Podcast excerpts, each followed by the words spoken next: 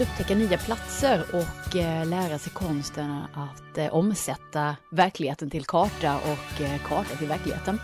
Ja, det är några av de häftiga grejerna med orientering som Thomas Stenström, idrottschef på Svenska orienteringsförbundet, lyfter. I Trailrunning-poddens senaste avsnitt möter vi honom och pratar om varför orientering är någonting för traillöpare och hur man går tillväga om man vill börja orientera. Trailrunning-podden gör comeback efter en rätt så lång ehm, ja, coronasömn. Men ehm, nu satsar vi loss igen och eh, vi har äran att prata med Thomas Stenström på Svenska orienteringsförbundet. Hej Thomas! Hallå hallå, tack så mycket! Du eh, är idrottschef, eller hur? Precis. Mm. Sen eh, ja, vad blir det? fyra år tillbaka så är jag idrottschef på Svenska orienteringsförbundet. Vad innebär det då? Det innebär att jag har ansvar för ja, den idrottsliga verksamheten, så allt ifrån barn och ungdomsfrågor, utbildningsfrågor och eh, ja, till landslagsfrågor. Så hela landslagsgruppen ligger också under mig. Då. Så att vi är en 15 stycken medarbetare under idrottsenheten och vi är ungefär totalt 20-25 stycken medarbetare på Orienteringsförbundet. Mm. Vi kör en temavecka med eh, orientering för ja, men traillöpare som är, som är nyfikna på att eh, prova orientering och eh, det är därför vi vill prata med dig som eh, kan en massa om det här. Eh, om vi börjar med, vem är du? Ja, jag är eh, då Thomas. Jag kommer från Ludvika och har hållit på med idrott egentligen ja, hela livet. Många idrotter var det jag testade på, men sen följer jag då för orientering kanske mest av allt. Så har gjort eh, resan på idrottsgymnasium i Sandviken är det orientering som gäller och sen har jag därifrån eh, gått till Uppsala och nu bor jag i Stockholm. Så orienterare större delen av livet men intresserad av det mesta idrotten. Vad var det som gjorde att det blev orientering då? Jag tror, ja, en kombination. I Ludvika där jag kommer ifrån så vi hade ju en del bra lagidrotter och så, men orientering kunde jag hålla på på exakt den nivån jag, jag själv ville och jag kunde satsa så mycket jag ville och eh, det är också bra förutsättningar tycker jag i, i Ludvika. Man blir härdad av terrängen, man kan utveckla sig själv och eh, det var väl det som gjorde det. Att jag, jag ville ju testa hur bra jag kunde bli i en idrott och då var orienteringen en av de som låg bra till. Du har ju haft en eh, fin elitkarriär som orienterare också. Eh, om du tittar lite så här i eh, backspegeln på eh, orienteringskarriären så här långt. Eh, vad är grejen med orientering? Alltså jag gillar ju att upptäcka nya platser och det tror jag har kommit underfund med ännu mer eh, nästan efter om man säger karriären. Att eh, ja, men hela tiden eh, sträva efter att vara på nya okända marker och känslan av att kunna omsätta det ni har som en av era delar här, att kunna omsätta kartan till verkligheten och vice versa, det tycker jag är väldigt häftigt. Att veta, hur, få en bild av hur ska det se ut när jag kommer fram till den där höjden eller till det där skogspartiet och sen stämmer det med den bilden man har målat upp. Det, det tycker jag är en, en häftig känsla i det lilla och sen så tycker jag att ja, men idrotten att kunna utmana sig själv och bli bättre och utvecklas. Det, men det gäller ju egentligen alla idrotter. Men det jag tycker är unikt med orientering så, så är det nog det att upptäcka nya platser och den här kontrollen av att kunna se en bild framför sig, att det stämmer. Mm. Eh, hur många orienterare finns det i Sverige?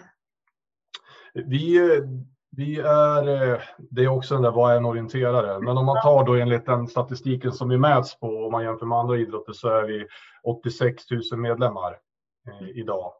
Och vi ökar eh, med ett par procent faktiskt på årsbasis sedan 2015 eh, ungefär. Så det går bra. Vi växer antalet medlemmar och är väl runt tionde, tionde 15 största idrottsförbund om man ser till antalet medlemmar. Alltså 10-15 största idrotterna Idrott. i Sverige? Ja, precis. Mm. Hur länge har orientering funnits? Ungefär 100 år. Det var väl någon gång i början på 1900-talet där som den första tävlingen genomfördes och sen på den vägen är det. Det är störst i de nordiska länderna såklart, men eh, nu på, på senare år så har det verkligen blivit eh, många nationer som är med och tampas på, på VM och på EM och eh, ja, men väldigt många nationer med på våra mästerskap. Så det är kul att det har utvecklats. Ja det, jag förstår att det nu senaste året inte har varit som vanligt, men eh, hur många arrangemang bjuds en orienterare på ja, normalt sett? Ja, väldigt många. Orienterare är ju, dels är vi flitiga arrangörer men också flitiga eh, som, som tävlande. Vi, är ju, vi nöjer oss ju inte med att tävla en, gång, en två gånger per år utan en, ja, jag skulle säga att en, en inbiten orienterare gör ju mellan 30 och 50 starter på ett år. Och det är väl det som jag sa innan att verkligen det är något visst att komma till en ny plats. Så vi vill ju verkligen åka till andra ställen och, och tävla. Då. Och vi har ju olika klasser, olika nivåer på våra tävlingar, men om man tar på en, det vi kallar för nationella nivåer som, eh, så har vi en 600-700 tävlingar. Men om man tar lite mindre arrangemang så får du lägga på en, en 1000-2000 tävlingar eh, per år. Och alla de här tävlingarna, det är det som är häftigt tycker jag, är ju det är öppet för, för eliten, absoluta yttersta elit, så att Tove Alexandersson är på, på många av de här tävlingarna. Eh, men det är också så att en helt nybörjare person kan komma på, på alla de här tävlingarna och delta. Då. Så det tycker jag också är en del som är häftigt och tjusning med orientering. Vara på samma ställe samtidigt, men på helt olika nivåer. Mm. Ja, för man springer ju som sagt olika distanser utifrån sin ålderskategori och svårigheter och allting. Men eh, en vanlig orienteringstävling om jag sticker ut på den, vad möts jag av då? Uh, ja, om du menar i sträcka och så. så... jag tänkte när jag kommer ut på ett arrangemang. Vad, hur... ja, ja, precis. Ja, för det första så, så kan det vara lite då svårt att hitta, så man måste ha gjort jobbet uh, och veta ungefär vart den är. Och sen så har vi då skyltning in på slutet till vår, vår tävling och då ställer man sig på en parkering och så får man oftast gå. Det kan vara en åker, det kan vara ett gärde, det kan vara Ja, i bästa fall är det en jättefin skogsarena då, som vi har byggt upp kanske i bästa fall in till en fin sjö eller något sånt. Ja. Med fin utsikt. Ehm, och sen är det en massa orienterare som är där och massa klubbar som, som har tagit sin plats helt enkelt. Mm. Ja, vi ska inte börja i tävlingsänden kanske, utan vi ska nog ta och börja med eh, hur jag gör om jag, eh, ja, men säger att jag är en traillöpare som ja, men är lite nyfiken på orientering känner mm. att jag har lämnat traumat av friluftsdagarna på högstadiet bakom mig. Eh, när det regnade, kartan var obegriplig och eh, alla sprang fel. Eh, tyvärr, alltså jag är också orienterare eh, och jag eh, får väl erkänna att under stora delar av min skoltid så skämdes man lite för att vara orienterare för att det var så, det var så töntigt. Eller hur? Ja, jo, så kunde det vara och man, jag fick ja. också hjälpa till och, och springa runt med de där startkorten till mina klasskompisar så att jag hade väl min del i att de kanske inte lärde sig orientera också på den tiden. Nej. Men jag får, jag får försöka hjälpa till mer nu. Ja, Man har mer, mer förstånd. Ja, ja för, alltså, visst känns det som att töntstämpeln är borta va? För oss? Ja, det tycker jag verkligen. Däremot så är väl inte det här att jag tror att tönt, det har ju varit en kombination ibland att man tycker orientering är så svårt och, extremt och kanske ja, åt andra hållet lite töntigt och det är väl det där som nu vi jobbar mest med, skulle jag säga, att göra, det, göra orientering tillgängligt och det här att förstå att det är inte så svårt att orientera. Mm. Eh, och det är inte så svårt att lära sig, men man behöver ju börja på rätt nivå om man säger. Mm. Som, med, som med allt. Det, jag brukar säga att vi har ju en, en nybörjarkurs för vuxna som där vi från fredag kväll till söndag gör så att eh, du blir egentligen självgående.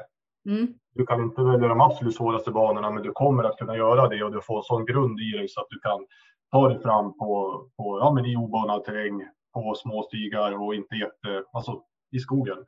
Och att jämföra det med andra idrotter så tycker jag att det är relativt enkelt, men jag tror man har en, man har en upplevelse att det är svårare än vad det är. Mm. Jag kan nog känna att när man ska förklara orientering så gäller det att börja i rätt ände också, för att annars kan det bli väldigt mycket som man ska försöka förmedla ja. eh, på samma gång. Mm. Ja, ja. Men eh, som sagt, om jag nu vill börja orientera, hur angriper jag det? Ja, men då finns det en rad olika sätt. Det beror på lite grann på vilken, av vilken person man själv är. Vi har ju lite olika sätt att börja. Det, det jag skulle säga är ja, men som hittar ut som, som jag ser att ni har promotat på er sida och Naturpasset. Det är ju två stycken ja, men produkter som är väldigt tillgängliga som du hittar på ja, i större delen av Sverige skulle jag säga. Hitta ut finns på nu faktiskt på 85 platser i Sverige och naturpasset finns 400 områden i Sverige. Så att det finns mycket orientering där ute och de två är helt enkelt en, eh, ett område som ligger i stan eller ganska nära stan och där det finns kontroller utplacerade och man får eh, ja, orientera till dem lite som man vill. Det är väldigt så här ah, fritt. Man, man, tar en kartan och så sitter kontroller ute och man kan göra det när som helst och lite hur som helst. Eh, och man gör det i sin takt helt enkelt. Och så finns det olika svårighetsnivåer. Eh, det, det är ett sätt och sen om man gillar mer det här ah, ja, men tävlingsmomentet eh, eller man vill springa en orienteringsbana jämföra sig mot andra så finns det dels de här tävlingarna som jag sa som är öppna för alla och också att Eh, motionsorienteringar är ett koncept, eller motionsorienteringar, eller vi kallar närtävlingar, mer lokala, mindre tävlingar, där man kan eh, anmäla sig på plats, man kan få lite hjälp av en, av en instruktör och komma igång, välja rätt nivå på bana.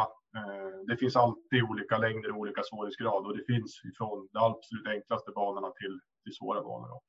Så det är vad man vill, lite mer eventbaserat, eh, kanske lite mer tävlingsmoment och den känslan, men man ändå lägger upp det på sin nivå till att man mer det här lite grann när man vill, hur man vill och, och ja, som man vill. Mm. För att om man tittar på hitta ut och naturpasset, då är det kontroller som är utplacerade. Och då ja. väljer du själv din väg. Ja. Medan, eller vilka kontroller du ska ta helt enkelt. Ja. Medan om jag åker till motionsorientering eller en vanlig tävling, då får jag en bana. Ja, precis. Det, är vårt normalt. Mellan kontrollerna i, ett, i en bana så att säga. Ja, precis. Det är så som, som en normal orientering går till. På mm. våra tävlingar så har man en, en bana som man måste ta i rätt ordning med kontrollerna. Mm. Precis. Sen så tycker jag att det är alltid bra. Har man en förening som är aktiva, vi har ju många föreningar och det finns ju i stora delar av Sverige eh, med våra 600 föreningar så är det ett jättebra tips att bara höra med dem. De har antingen, de har ofta ja, men en hemsida där det finns kontaktpersoner och släng gärna iväg ett mejl. Är man så, så att man har hållit på med trailrunning och hållit på att löpa så är det många orienteringsklubbar som har jättebra träning, löpträning och du kan bara hänga med. Mm. Vi hade många sådana i Uppsala när jag pluggade där som, som stack med på våra långpass och nattpass och så där och slängde ja. på en lampa och så kunde de bara hänga på. Och det mm. tycker jag är ett jättebra sätt och ett insteg att lära känna, känna klubben, eller känna de som är där och sen, sen är man igång. Liksom. Mm. Ja. Eh, Hitta ut har blivit en riktig succé senaste åren, eller hur? Ja, det stämmer jättebra. Mm. Vi, ehm, det är ju ett, eh, ja, det är verkligen ett så här breddkoncept där, där det utgår ifrån centrala delarna. Vi tar fram en karta och sen så placerar vi ut kontroller, då, eller som heter checkpoints. Och eh, att man kan använda, det som är fördelen med det jämfört mot om man ser naturpasset eller de andra, är att du kan använda din mobil och hela tiden se vart du är.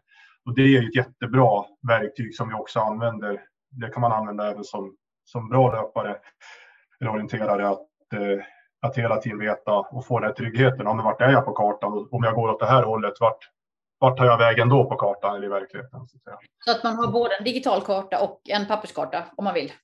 Precis. Mm, okay. mm. Så det är väl den stora fördelen. Och sen att man får det här du kan ju få uppföljning, du kan jämföra lite grann hur det gått från vecka till vecka. Eh, vi har ja, med topplistor, det, det, är mycket mer digitaliserat så att säga. Mm. Så att mm. man, eh, det har gått jättebra. 86 orter nu för 2017 när vi ja, lanserade det från oss så hade vi 17 orter och nu är det 86 orter. Vi hade 100 000 deltagare förra ja. året. Oj. Så det, det växer ju jättemycket och blivit jättepopulärt. Ja. Och då är det ofta så där att man, om man bor i stan så kan man nästan springa hemifrån bara. Precis, det är ju lite av konceptet att man ska våga. Och det är väl ett jättebra tips tycker jag, börja där man känner igen sig. Mm. Eh, och våga ta sig ut. Man kanske hittar en ny park som man aldrig har sprungit i. Jag själv bodde i Uppsala i 12 år eh, och eh, blev sen projektledare för Hitta ut. Och när jag blev det så upptäckte jag nya platser i Uppsala som jag aldrig hade varit i tidigare. Och det är väl liksom det som är en av så här, styrkorna och det som alla som håller på när vi, när vi frågar vad de tycker är det bästa med att hitta ut. Och just att hitta nya platser och, och bestående platser. Det kan vara en grillplats som man tar med barnen eller man tar med kompisarna på nästa gång de hälsar på som man inte haft förut. Och, eh, eller en jättefin löpslinga som man sen då kan springa. Så det, det har blivit jättepopulärt. Mm. Och naturpasset är, är det lite nästa steg kan man säga? Lite ja, mer... men naturpasset är väldigt likt, men det, det kanske ligger lite längre bort. Det kanske är lite svårare generellt sett och, och inte lika digitaliserat, så du kan inte få det här stödet med, med, din, med din mobil på det sättet att orienteringskartan ligger i din mobil. Mm. Men det är absolut, det skulle kunna vara nästa steg efter hitta ut eller att man, ja, man kanske vill testa på hur det är att vara på en tävling. Mm. Mm. Eh, och sen hitta ut det är gratis, eh, helt gratis för användaren. Eh, de flesta skickar ut gratis kartor till hushållen på den orten som finns. Ja, just det. Mm. Natur, naturpasset kostar mellan, ja, det är lite olika, 50 till 100 kronor. Och som sagt, de sitter ute båda två i flera månader under de finaste månaderna från mars då, lite ner i södra Sverige eh, hela vägen till oktober. Mm. Um, behöver man vara med i en orienteringsklubb om man ska springa en tävling? Allt det som jag har pratat om nu uh, går att, att, att nå utan att vara medlem i en orienteringsförening. Mm. Det som, eh, så att alla tävlingar är öppna för vem som helst och eh, då, om man inte är medlem, då får man springa det vi kallar för de öppna motionsklasserna. Då. Men de öppna klasserna har alltifrån banor på ja, men en och en halv kilometer upp till i normala fall 6-7 kilometer och eh, enkla eh, ja, med relativt enkel orientering som jag skulle säga att de flesta, i alla fall vuxna, klarar egentligen utan så mycket bakgrundskunskap till att vara ja, sådana banor som, som eliten springer helt enkelt. De är inte lika långa som eliten, men de är lika svåra som eliten som är på plats. eh, och sen om man vill ta steget till tävlingsklass då, så då behöver man bli medlem i en förening. Men då har man också blivit så pass, jag, jag, det är väl det som, det är lätt att få hybris i, de flesta orienterare har hybris.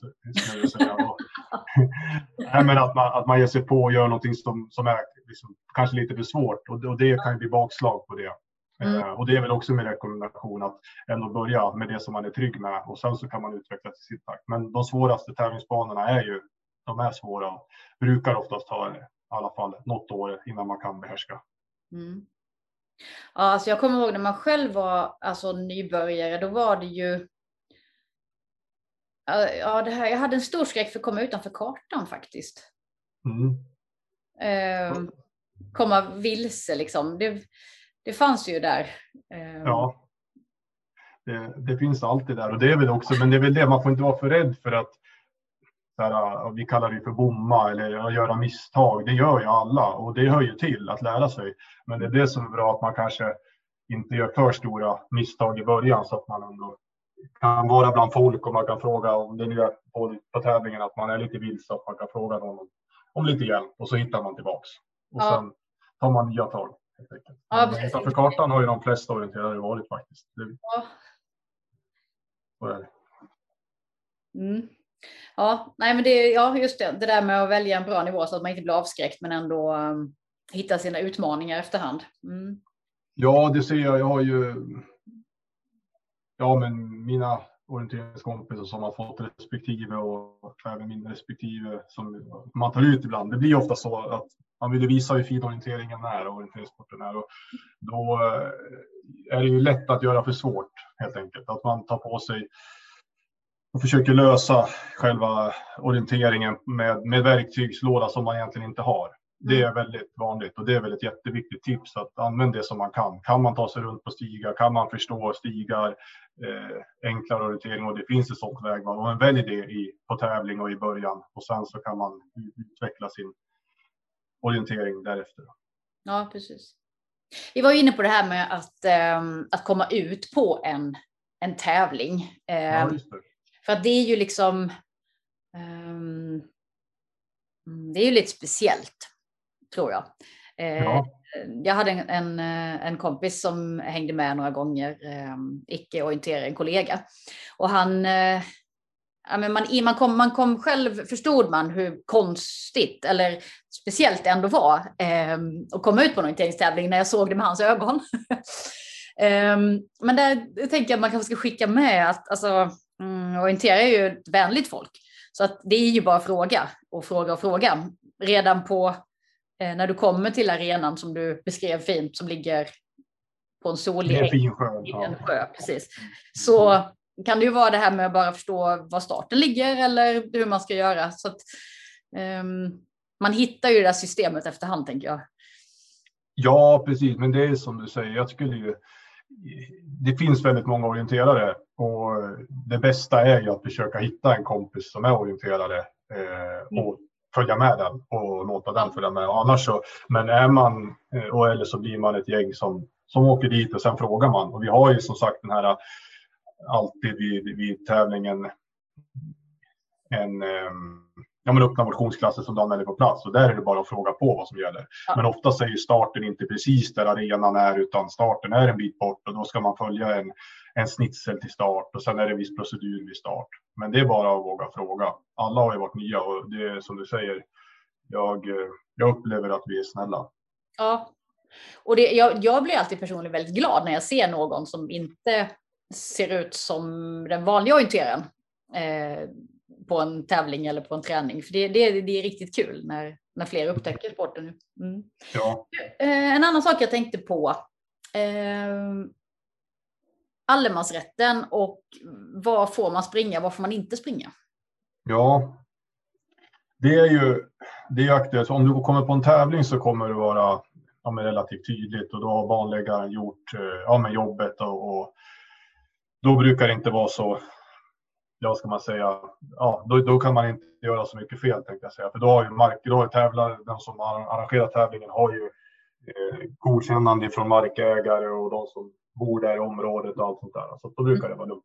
Men om man ger sig ut på naturpasset och hittar ut eller helt enkelt egentligen ger sig ut på egen hand utan karta. Det här spelar ingen roll om du har karta eller inte, men, men att eh, jag tycker väl att i grund och botten lite grann titta på sig själv. Det tror jag är det första. Men om, om jag kommer fram till ett hus som är i skogen, ja, men då kanske man inte ska gå så nära huset. Det är väl liksom det, det skulle inte jag vilja om jag hade en stuga mm. ute vid havet eller ja, i någon sjö eller så där. Så det är väl liksom det tycker jag viktigast att tänka på. Det, det är lite så här klyscha, men alltså sunt förnuft kommer man ju väldigt långt på och ändå ha respekt för både de som bor där eller som, som, som är i naturen.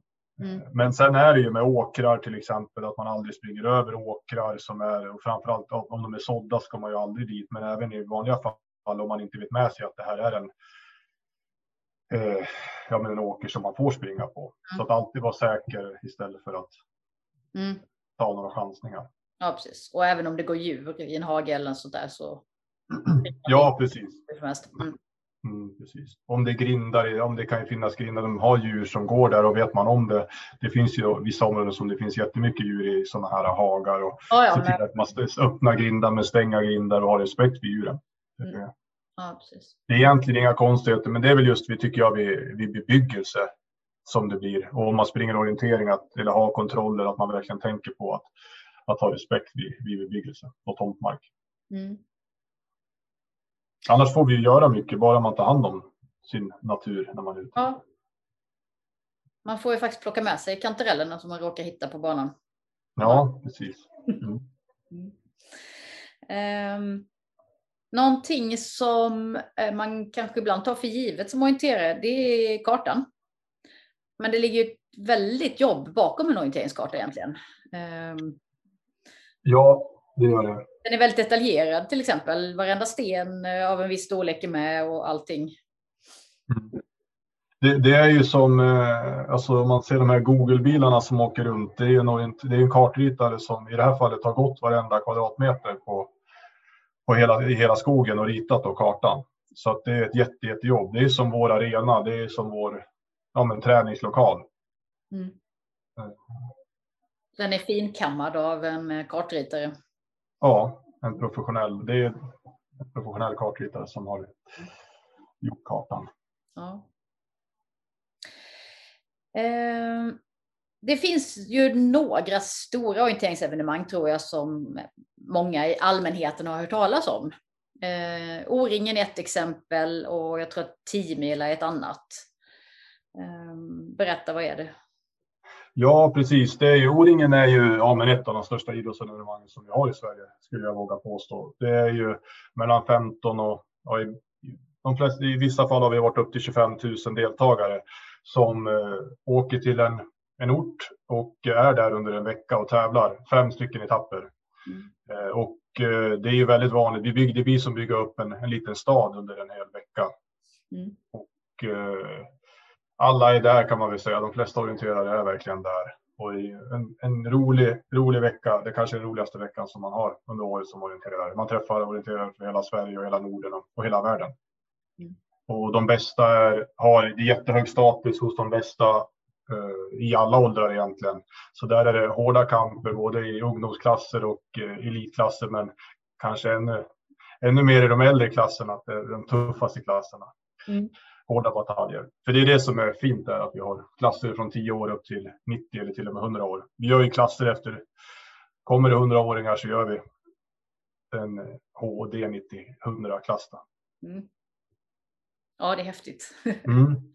Så det, men det är mer än, det är ändå en familje så, även om alla andra är där. Men i 10 milas alltså, som du frågar om så är det en, en elitstafett då, som, som går varje år i, i månadsskiftet kan man säga, april-maj. Så det är den stora elithelgen för, för svensk orientering och också, som är den största. Det finns en stafett i Finland också som är, alltså är jättestor som lockar alla lag i hela världen och Timila är en sån. Mm. Sen undrar många över namnet. Eh, man säger att man ska springa 10 mil och då får man frågan, ska du springa 10 mil?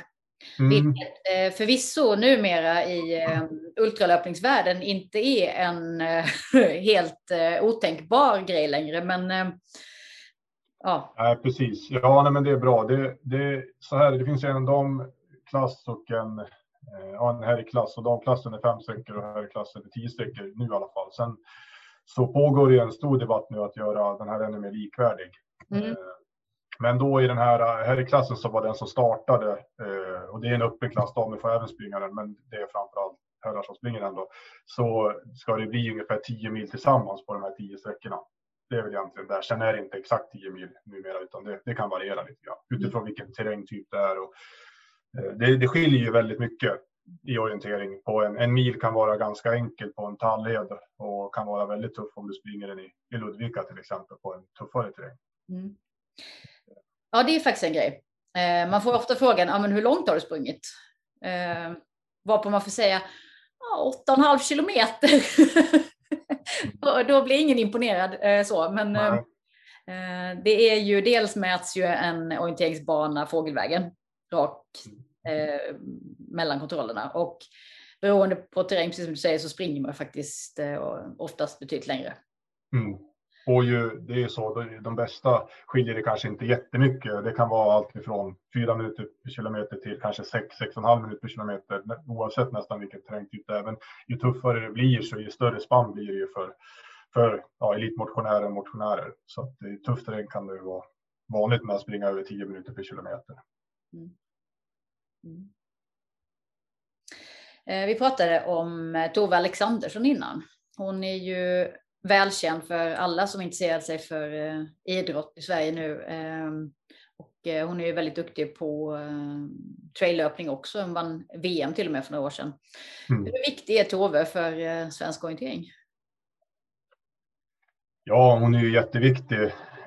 Både om man ser utifrån externt syfte att hon, hon ja, har man vunnit Jerringpriset och bragdguldet, det går ju inte att bli på något sätt ja, jag tror att i svenska folket kan man inte göra så mycket mer. Eh, och det gör ju att orienteringen också, vi, vi, vi ägde ju en av de här idrottsgalorna. Ja. Så det, det är väldigt kul och det gör ju jättemycket. Sen så är hon ju en, ja, men en inspiration för svensk orientering internt också. Hon har ju ett, eh, ja, men ett jättebra mindset. Att hon, hon älskar ju verkligen det hon gör. Hon tittar på sin egen prestation och att verkligen försöka utveckla sig själv. Eh, och gör det och tycker det är kul. Det är därför hon nu har gått över, inte gått över, men att hon går till andra idrotter och testar på det också. För hon tycker att hon vill vara i sån miljö och det, eh, det tycker jag är ja, men minst lika viktigt att sådana förebilder som, som gör det som de tycker är kul och har fokus på rätt saker och inte stirrar sig blind. Det är klart att hon eh, tittar på resultat också, men just det prestationen som är i allra fokus och att hon kan optimera, optimera det, hon, det hon själv kan påverka.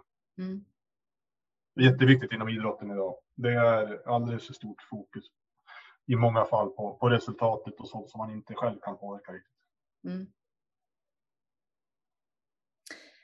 Du, eh, vi var ju och touchade ämnet, men ehm, eh, pandemin som eh, fortfarande ligger över oss som en eh, våt, äcklig filt. Eh, Hur har den påverkat orienteringen och orienterarna? Ja, det har varit, om man tar, det har ju varit väldigt så här, splittrat kan vi säga. Vissa delar har fungerat väldigt bra som Hitta ut och Naturpasset och den typen av aktiviteter har fungerat ja, men jätte, jättebra och eh, kanske ännu bättre att vi har fått en skjuts av pandemin. Mm. Att flera har hittat ut i naturen och, och hittat till de här motionsaktiviteterna.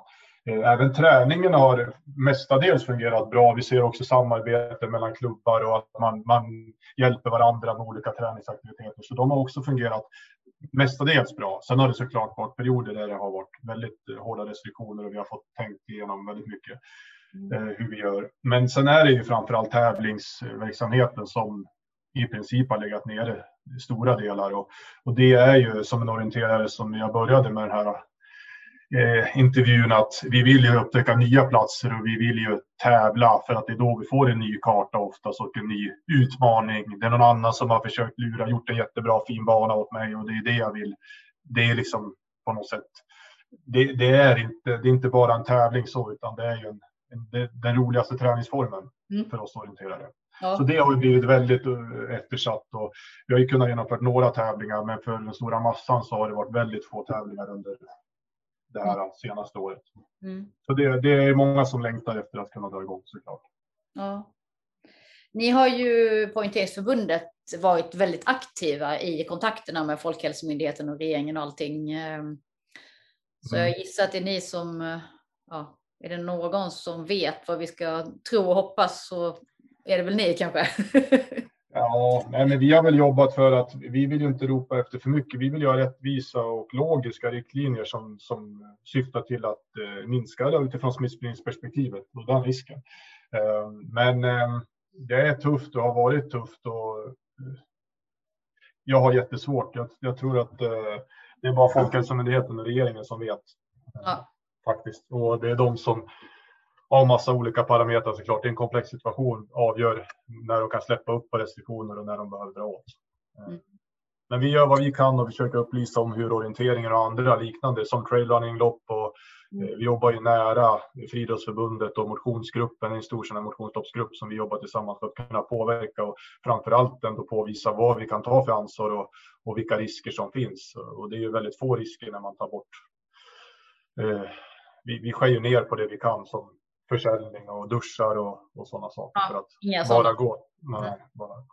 Inga kontaktytor utan ja, ut i ja, men, mm. ja, och dela upp det i tid och, och i rum och vi har ju Orienterarna vill ju välja sin egen väg och så där. Så att vi har goda förutsättningar, men vi har inte fått så mycket för än. Så vi, vi, men vi jobbar på och kämpar som, som även ni gör och ja. andra arrangörer av liknande arrangemang. Mm. Hur tror du, har du några tankar kring om hur det här kommer påverka? För jag, det jag känner mest för det är väl egentligen de unga. Eh, som ju faktiskt på något sätt missar ett år i sin utveckling eller ett och ett halvt mm. eller vad det blir innan vi är över med det här. Eh, kan ja, du... nej. ja, förlåt. Ja, ja, men ja, det, det, absolut kan det få konsekvenser. Jag tror som sagt att för vår del så har vi ändå kunnat haft träningsverksamhet och man kunnat fått det sociala värde som även ändå idrotten ger. Mm. Eh, och vi har utomhusidrott och det är många föreningar. Det, det, har lagt ett ännu större ansvar på ledare, på föreningar, på distrikten att göra bra aktiviteter för ungdomarna och behålla det här ja, men motivationen och glädjen som finns. Och, och av den anledningen så tror jag att vi kommer kunna klara oss relativt bra.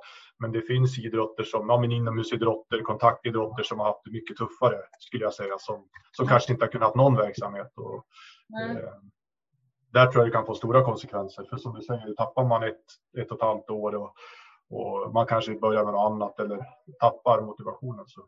Ja, precis. Det är ju oftast väldigt utvecklingsintensiva år eh, för mm. ungdomar och juniorer. Så. Mm. mm.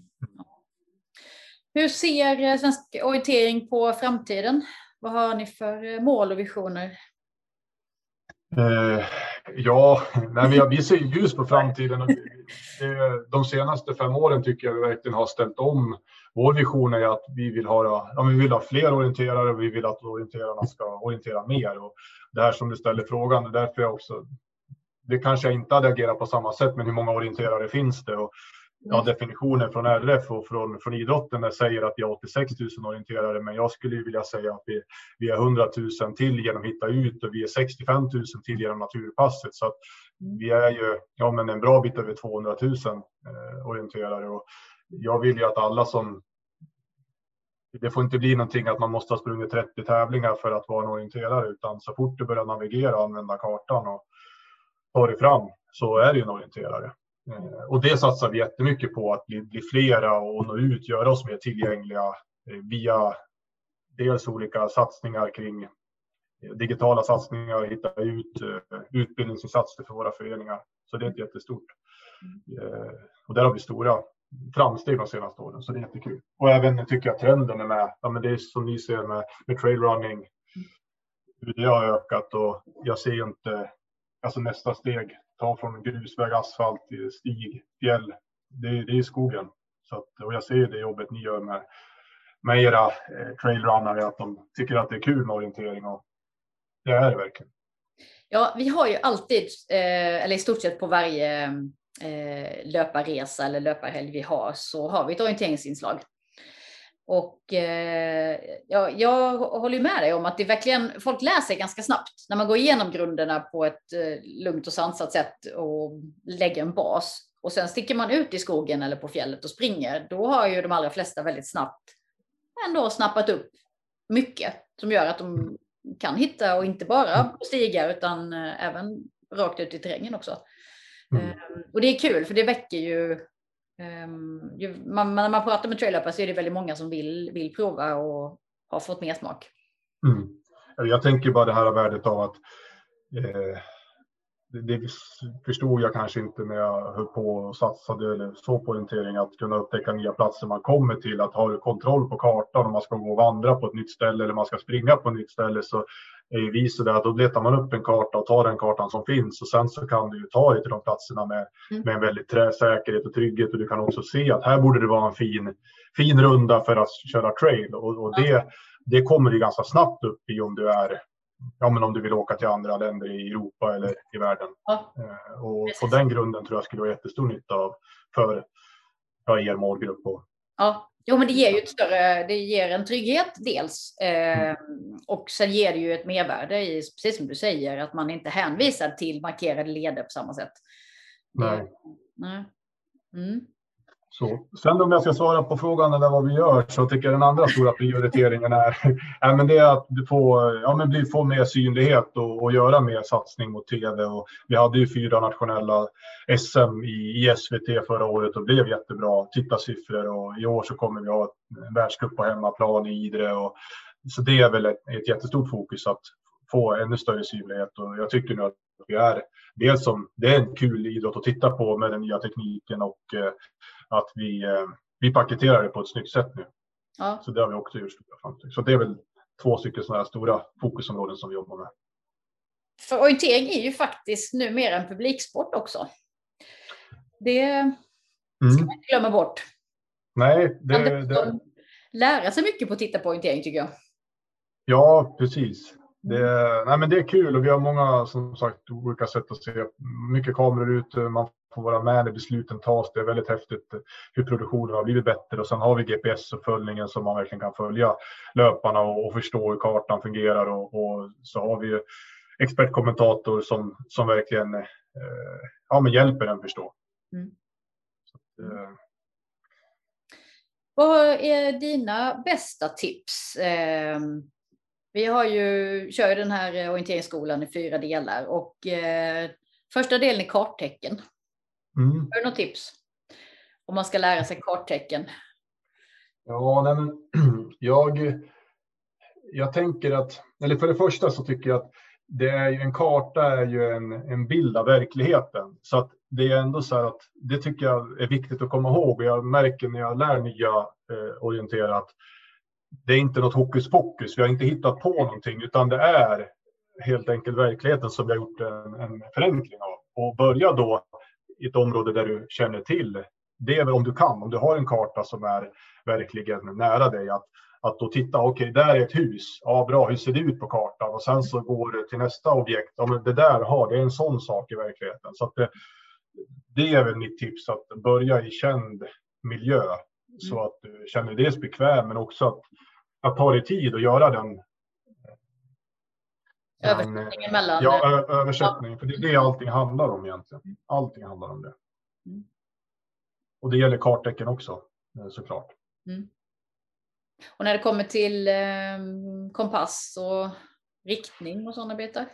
Ja, då, då tycker jag att även där så finns det en risk att jag skulle nog börja utan kompass först och liksom börja passa kartan efter verkligheten. För igen där att kartan ska ju ligga på samma sätt som verkligheten är. Och då börjar man på ett enkelt sätt. Om du står på en väg och du ser ett hus på höger sida, ja men då ska ju det stämma. Om du står och tittar på huset på höger sida, då ska kartan också visa att huset är på höger sida.